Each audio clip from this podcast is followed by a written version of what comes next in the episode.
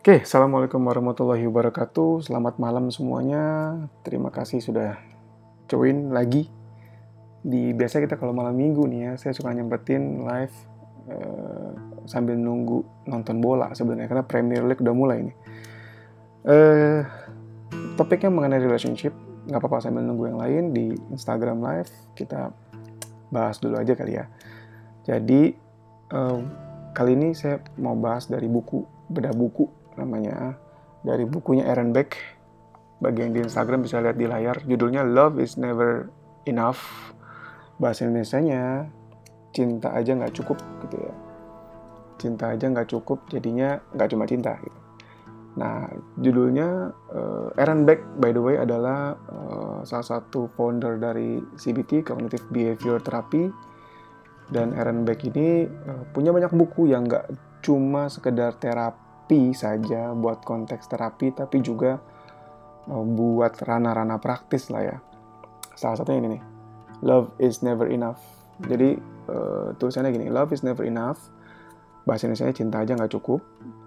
Terus uh, di bawahnya ada sub titlenya subjudulnya how couples can overcome misunderstanding resolve conflict and solve relationship problems through cognitive therapy. Jadi bagaimana buku ini bisa digunakan buat couples supaya bisa menghadapi misunderstanding, kesalahpahaman, menyelesaikan konflik dan menyelesaikan dan solve solve relationship problems, menyelesaikan permasalahan uh, relationship melalui cognitive therapy, through cognitive therapy gitu silakan.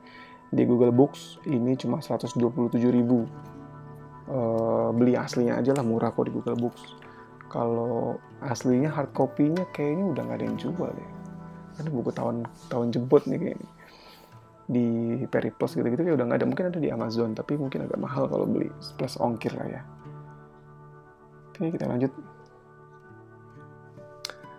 Uh, yang mau dibahas pada malam ini adalah topik mengenai the power of negative thinking. Jadi ini di bab satunya.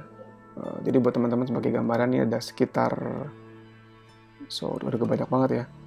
Ada sekitar 16 7 18 bab mengenai relationship. Ada 18 bab. Oke, okay, banyak banget 18 mengenai, bab mengenai relationship. Ini bagaimana membahas how to overcome relationship problem with cognitive therapy. Uh, eh, 18 bab itu nanti kita coba bahas satu-satu ya.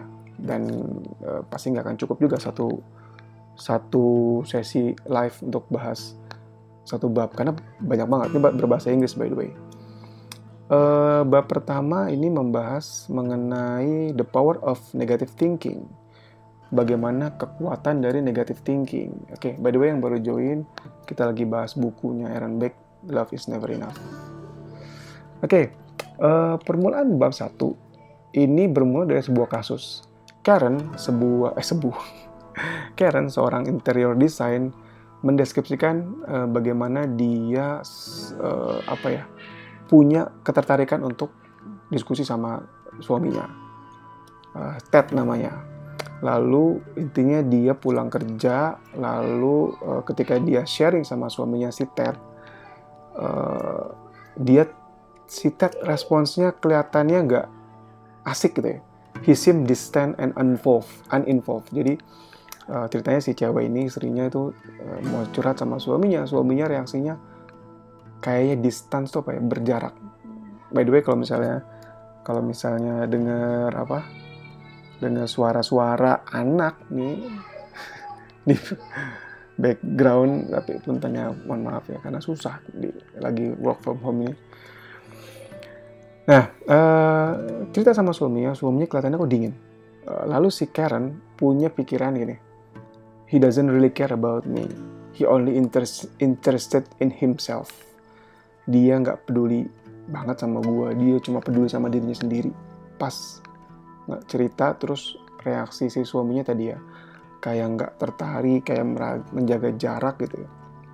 Lalu tiba-tiba yang tadinya excited banget mau cerita tiba-tiba kayak menguap gitu aja. Lalu uh, uh, dibanding memilih me, apa cerita terus merayakan sesuatu sama suaminya dia akhirnya pergi ke ruangan lain. Lalu minum champagne kalau di sini. Mungkin uh, apa ya kayak uh, ya, apa stres terus akhirnya memilih untuk ke ruangan lain. Untuk me time gitu ya. Uh, lalu dia punya pikiran lagi tuh uh, meanwhile Ted oh ini nih Ted suaminya Meanwhile, si Ted, who was feeling somewhat dejected that day because of a setback of his uh, in his career, who was feeling eh had the thought. Jadi si Ted tuh hari itu lagi bete juga karena pada karirnya lagi bermasalah juga suaminya nih. Suaminya akhirnya muncul juga pikiran, she doesn't really care about me, she only interested in her own career. Jadi dua-duanya kalau ceritanya sama-sama punya pikiran yang sifatnya negatif, bahwa ya istrinya pas cerita ngeliat suaminya nggak nggak tertarik gitu ya istrinya punya pikiran oh suami gue nggak peduli sama gue dia cuma peduli sama dirinya sendiri. Suaminya pada saat itu memang lagi ada masalah di kantor. Pas pulang dia uh, apa namanya dia uh, dia dengar istrinya mau curhat justru dia punya pikiran malah she doesn't really care about me. She only interested interested in her own career. Gitu. Dia cuma dia nggak peduli sama gue dia cuma peduli sama karirnya dia gitu ya. Oke itu ya. Dua-duanya sama punya pikiran negatif.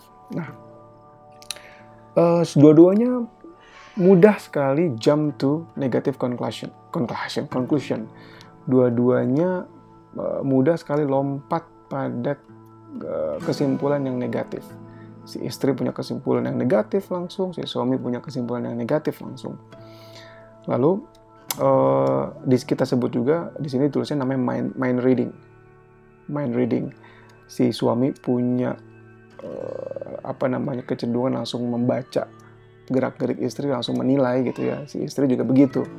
Dua-duanya sama. Kalau ada contoh di sini ya tadi ya as the result of such explanation tadi berdasarkan contoh kasus tadi uh, pasangan yang merasa terluka secara psikologis dari pasangannya akhirnya mulai attack. Oke, okay. agak kekecilan kah? Oke, okay. cek cek cek cek cek tes tes. Punten. Mudah-mudahan nggak kecilan. Coba di coba di uh, disesuaikan juga barangkali di sana juga kecilan kali volumenya. Apa di sini ya? Mudah-mudahan sih. Soalnya biasanya lancar. Oke, lanjut ya. Kita lagi bahas buku. Judulnya Love is Never Enough, yang nggak kelihatan. Dari Aaron Beck. Bukunya di Google Playbook 123 ribu, eh 127 ribu. Gitu ya. Jadi eh, pasangan yang terluka malah menyerang atau withdraw atau menarik dari menarik diri dari pasangannya. Gitu. Itu karena dia sudah mempersepsikan tadi ya, sudah jump to conclusion bahwa uh, perilaku pasangannya itu uh, apa namanya uh, negatif lah makanya kita tulis materinya adalah the power of negative thinking gitu. nah akhirnya itu jadi siklus nanti ketika dia menyerang atau dia menarik diri pasangannya juga sama pasangannya melakukan yang kita sebut counter attacking or withdrawing juga sama-sama menyerang juga sama-sama balik juga jadi ini kalau kita simpulin udah kayak lingkaran setan gitu ya. Kalau di kekerasan KDRT itu ada siklus bulan madu yang seperti sebuah lingkaran yang nggak ada ujungnya gitu ya.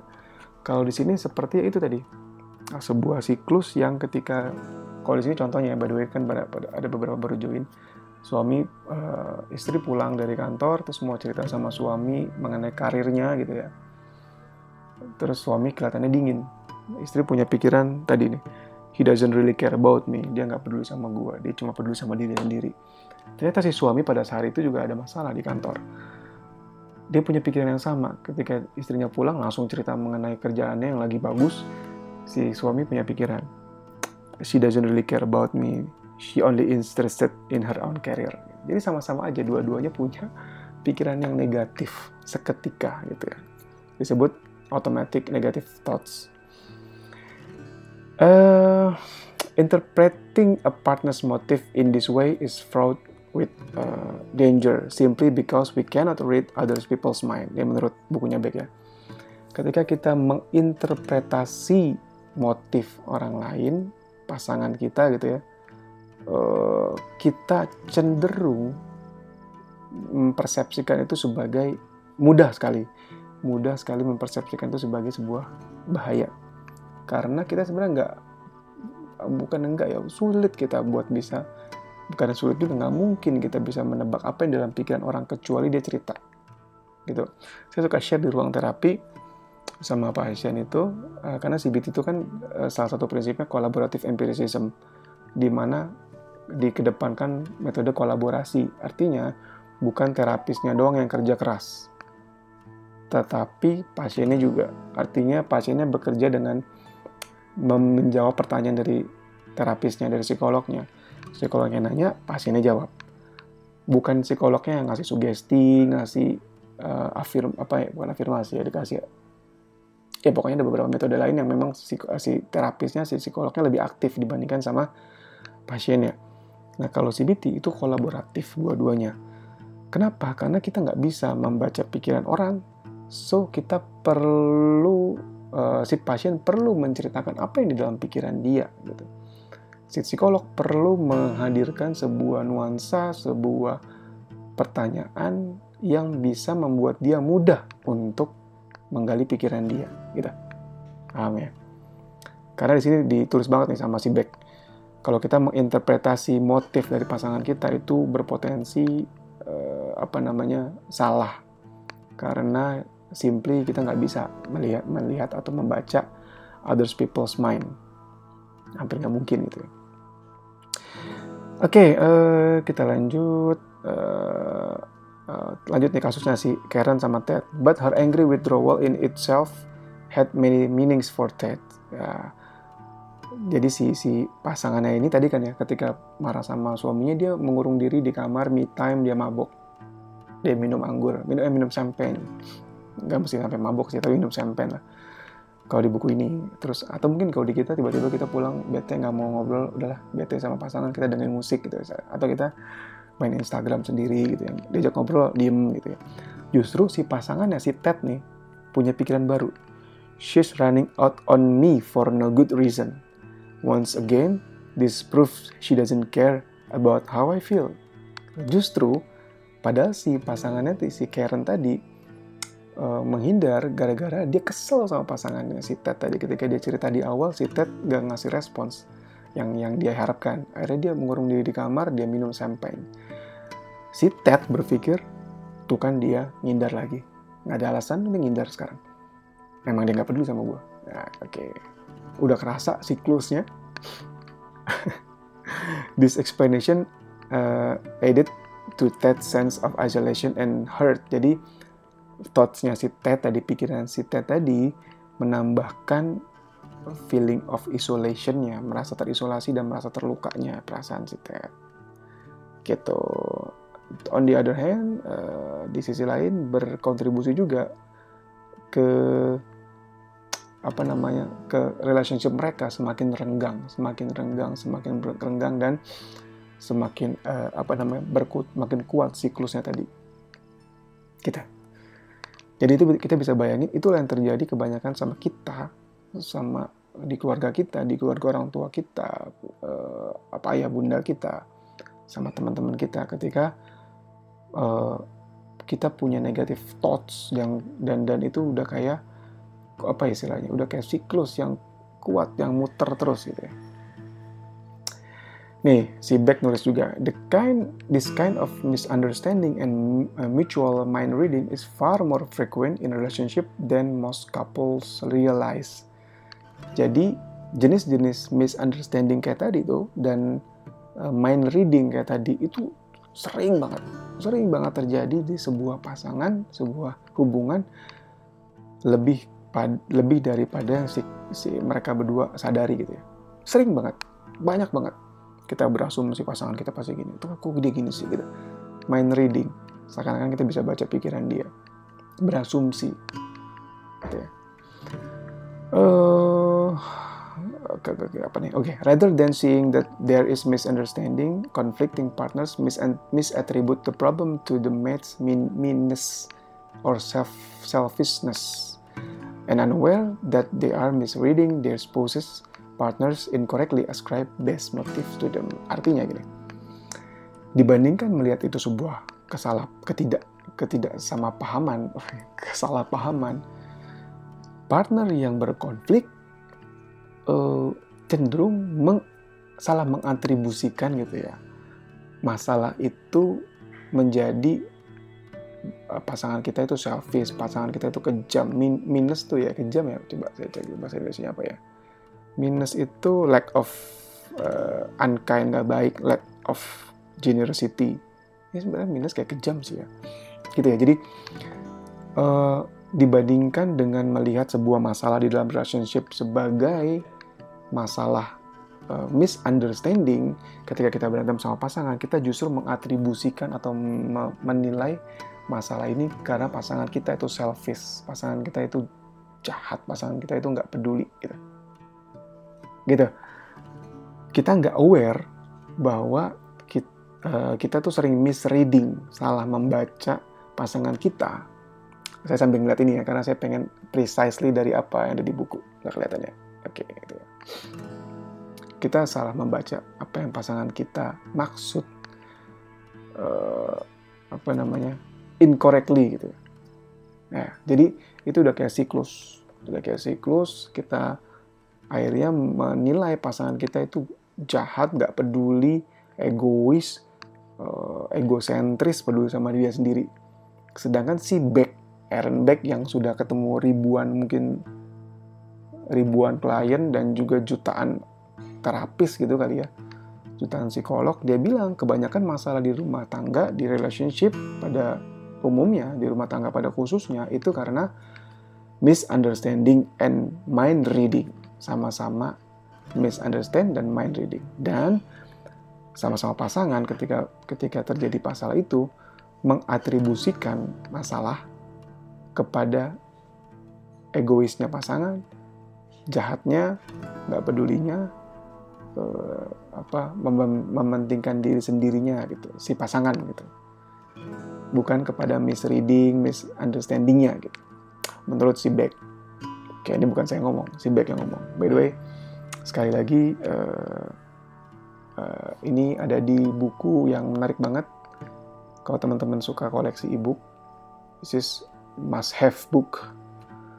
Love is Never Enough from Aaron Beck. I read it at uh, Google Playbook. Itu sekitar harganya 127 ribu. It's worth it lah buat beli. Nggak terlalu mahal 127 ribu. Dan kita bisa pakai uh, apa namanya bayarnya juga bisa macam-macam ya kalau bisa pakai Google Card atau apa ya kalau Google tuh ya atau kalau ada yang punya punya apa punya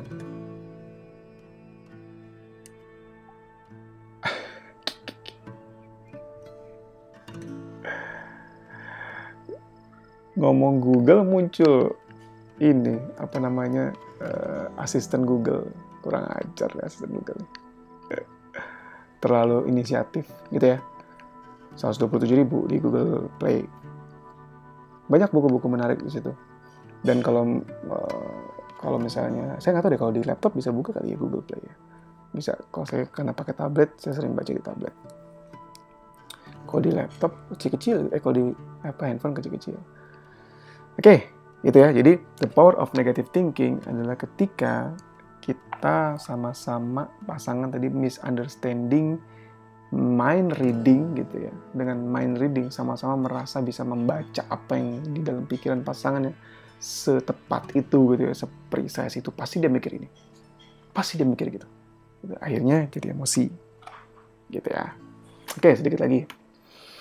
Hmm, oke. Okay. Uh, eh, nih ya. Uh, how one spouse perceives and interprets what the others does can be far more important in deter determining determining marital satisfaction and then those action themselves. Jadi menurut si Beck bagaimana si pasangan itu meng, menerima dan me, menginterpretasi memahami bagaimana orang lain atau pasangannya bersikap itu jadi aware jadi sadar gitu ya menginterpretasi memahami pasangannya sikap pasangannya itu jauh lebih penting gitu ya untuk menentukan marital satisfaction kepuasan dalam pasangan eh, dalam dalam menikah gitu. To avoid such marital misconception, it helps to understand how the mind functions and malfunctions when we are frustrated or disappointed. Untuk menghindari uh, miskonsepsi ketika sudah menikah atau sama pasangan, uh, sangat membantu ketika kita paham bagaimana pikiran itu bekerja. Bagaimana pikiran itu juga bisa jadi tidak bekerja, gitu terutama ketika kita frustrasi, ketika kita emosi. Gitu. Jadi si Beck udah bilang nih untuk punya uh, hubungan yang baik, baik secara umum uh, dengan orang lain, khususnya pada marital, pada marriage gitu ya, pada pernikahan, kita perlu belajar bagaimana pikiran itu bekerja, mind kita itu bekerja, dan bagaimana mind itu bisa jadi malfunction, bisa jadi bekerjanya salah, utamanya ketika kita emosi uh, our, our fallible mental apparatus predisposes predisposes us to misinterpret or exaggerate the meaning of other people's behavior, to make negative explanation when we are disappointed, and to project a negative image onto these people. We then act on this misinterpretation, attacking the very negative image that we have projected. Singkatnya, ketika kita uh, apa namanya nggak mengerti bagaimana pikiran kita bekerja, kita bisa meng, salah menginterpretasi dan melebih-lebihkan maknanya dari pasangan kita, sehingga nanti kita bisa uh, apa namanya berperilaku dari kesalahpahaman kita itu bisa menyerang. Kalau tadi kita bahas di awal bisa menyerang atau kita withdraw, menarik diri, gitu ya. So menarik banget bagaimana cuma sekedar persepsi kita sama pasangan kita bisa memicu sebuah siklus yang nggak ada hentinya. Sekali lagi di awal tadi ceritanya ada dua orang, si Ted sama si Karen. Si Ted, eh, si Karen ini istrinya mau cerita sama si Ted suaminya pulang kerja mengenai pekerjaan dia di kantor, tapi ketika dia cerita si pasangannya itu kayak dingin, nggak uh, nggak ngerespon dengan excited. Si eh, si Karen berpikir uh, he doesn't really care about me. Dia nggak peduli sama gue he only interested in himself. Dia cuma peduli tertarik sama diri sendiri. Akhirnya si Karen ke kamar minum champagne kalau diceritanya lalu si Ted pas ngeliat istrinya pulang cerita masalah kerjaan si istri gitu ya she doesn't really care about me. Si Ted mikir gitu. She only interested in her own career. Dia nggak peduli sama gue dia cuma peduli sama karirnya dia. Tuh dia pulang kerja langsung cerita sama langsung cerita ceritain karirnya Padahal dia tahu gue lagi bete, gue lagi sedih gitu. gitu ya. Akhirnya si Karen ke kamar, uh, apa namanya, si Karen ke minum champagne di kamar, si Ted punya pikiran lagi tuh kan bener, dia lari, dia dia juga nggak menghindar dari gue. Itu membuktikan kalau dia tuh nggak peduli sama gue. Uh itu nggak itu nggak ada nggak ada ujungnya tuh, uh siklus luar biasa. Oke, sampai situ dulu. Itu cuma dua halaman by the way. Eh, dari bukunya uh, si siapa namanya? Aaron Beck. Nanti kita kita kulik per halaman kali ya mudah-mudahan ya. Ini ini ada 18 bab. Ini seru banget ini. Bagaimana kognitif terapi kita pakai dalam konteks yang simple. Dan ini self help book sebenarnya bukan buat praktisi. Ini buat umum kok. Uh, ini ya judulnya. Love is Never Enough dari Aaron Beck. Oke. okay, uh, kayaknya nggak begitu banyak viewersnya nih ya. Uh, saya close dulu yang ada di di apa namanya saya record juga by the way di di laptop. Nanti mudah-mudahan saya bisa tampilin lagi nanti di YouTube juga. Uh, saya close dulu yang di laptop ya. Terima kasih sudah menyaksikan mendengarkan juga. Semoga bermanfaat. Nanti kita sambung lagi di kelanjutan pembahasan buku Aaron Beck Love is Never Enough bagaimana menyelesaikan konflik di rumah tangga atau di sama pasangan kita dengan prinsip kognitif terapi dari Aaron Beck. Dari Aaron Beck. Oke, terima kasih. Wassalamualaikum warahmatullahi wabarakatuh.